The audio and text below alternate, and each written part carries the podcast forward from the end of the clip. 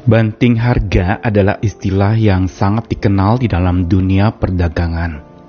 Saat satu barang itu tidak laku, maka dia akan diturunkan harganya serendah-rendahnya demi supaya bisa laku di pasaran.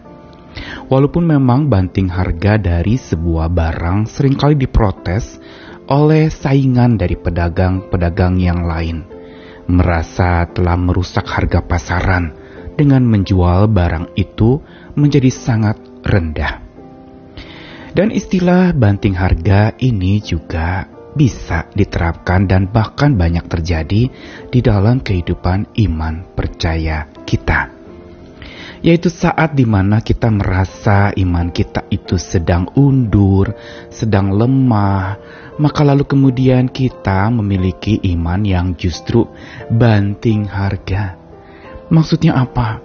Menurunkan derajat harga dari sebuah iman yang sebenarnya sangat tinggi dan bernilai kekal, lalu kemudian dibuat sebegitu rupa, agar supaya dengan iman yang dapat memberi keuntungan dalam diri seseorang, itu lalu kemudian dipraktekkan demi supaya untung, dan dengan serakah maka iman itu lalu kemudian dikorbankan begitu rupa demi keuntungan pribadi, demi keinginan diri semata.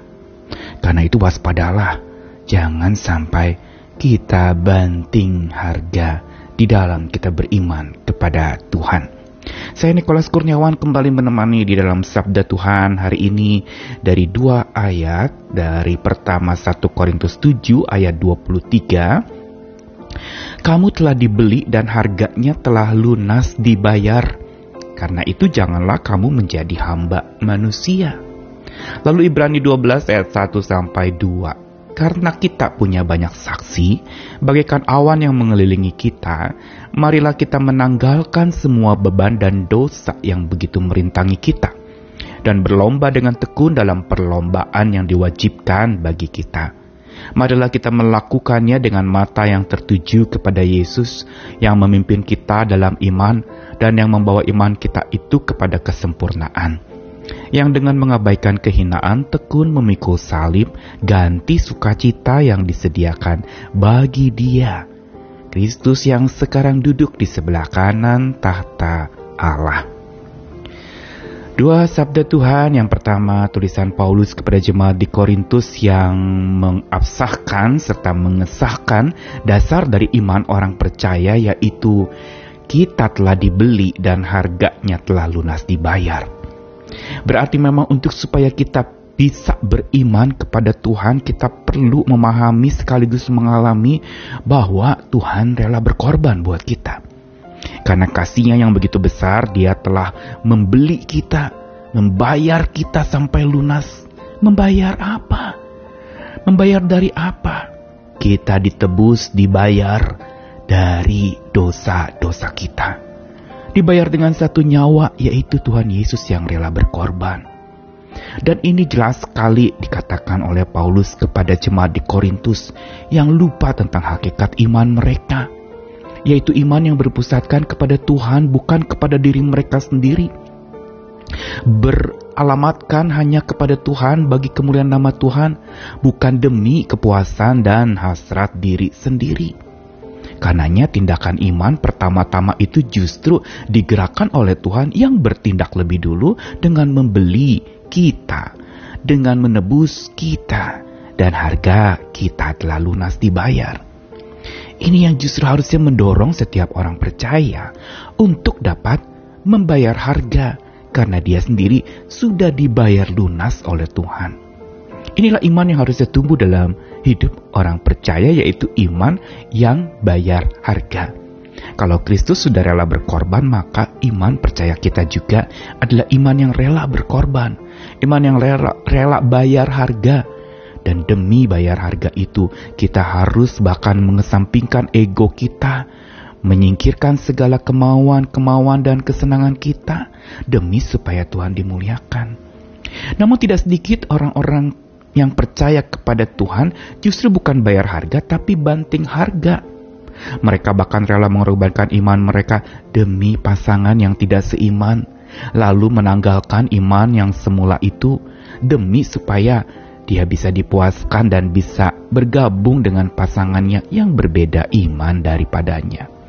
Atau mungkin saat di dalam tantangan berat menimpa, ada persimpangan yang mempertanyakan iman kita, kita jadi meragukan iman kita, dan kita korbankan iman kita demi keuntungan semata.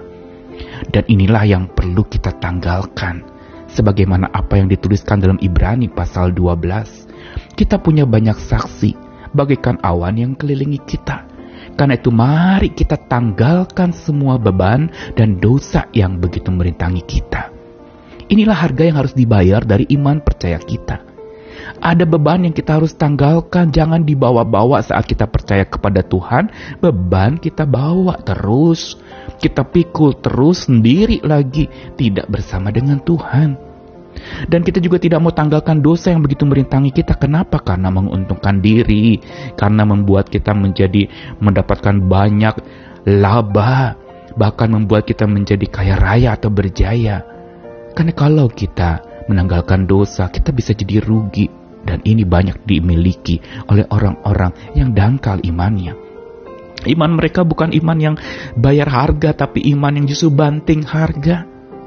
Mereka lupa akan satu yang paling penting di dalam iman percaya orang percaya, yaitu berlomba dengan tekun dalam perlombaan yang diwajibkan bagi kita.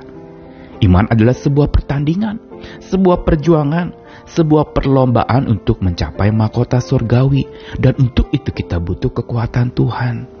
Makanya dikatakan lagi dalam ayat 2 Ibrani 12. Mari kita melakukan perlombaan iman kita itu bayar harga dengan mata tertuju pada Yesus yang sudah bayar harga terlebih dahulu untuk kita, yang sudah menebus kita begitu rupa dan bayar lunas kita. Sehingga dikatakan bahwa hanya dengan mata tertuju kepada Yesus, dialah yang akan memimpin kita dalam iman, membawa iman itu pada kedewasaan, pada kesempurnaan. Bahkan Yesus sudah menjadi teladan mempraktikkan iman yang bayar harga dengan mengabaikan kehinaan, tekun pikul salib, ganti sukacita yang disediakan bagi dia yang duduk di sebelah kanan tata Allah. Ayat-ayat hari ini ingin mengajak kita untuk memeriksa bagaimana iman kita. Iman yang bayar harga atau iman yang banting harga. Yang kita korbankan begitu rupa karena kita pikir kita sudah tidak mau lagi percaya kepada Tuhan, kita ragu karena banyak masalah, kita anggap Tuhan tidak ada, dan kita mulai banting harga iman kita. Kita turunkan derajatnya, kita turunkan nilainya, demi supaya apa? Keinginan kita terpenuhi demi supaya apa keuntungan kita makin tinggi. Saat itu sebenarnya kita sedang praktekkan iman yang banting harga. Tapi iman yang bayar harga adalah iman yang sudah dipraktekkan oleh Tuhan kita Yesus Kristus.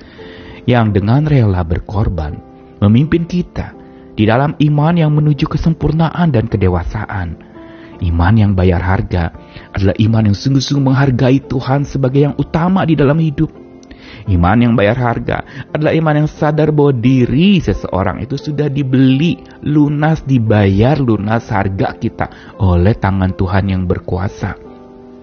Sabda Tuhan hari ini mau mengajarkan kita bahwa iman yang dewasa bukan iman yang banting harga demi loba, demi laba, dengan loba dan dengan serakah, tetapi iman yang rela bayar harga tanpa henti berlomba sambil selalu menghamba kepada Allah penggerak dan penguat iman kita. Tetaplah ada dalam perlombaan iman walaupun mungkin kita harus mengalami terpelanting, mungkin kita merasa terbanting, kita mungkin merasa begitu lelah, tetapi jangan banting harga imanmu. Bayar harga karena kita sudah dibayar lunas oleh Tuhan kita. Selamat tetap mengikuti dia, apa pun tantangan dalam hidup kita, jangan banting harga imanmu, tapi bayar harga demi kemuliaan nama Tuhan dan makin dewasalah kita. Tuhan menyertai kita, Tuhan menemani kita selalu. Amin.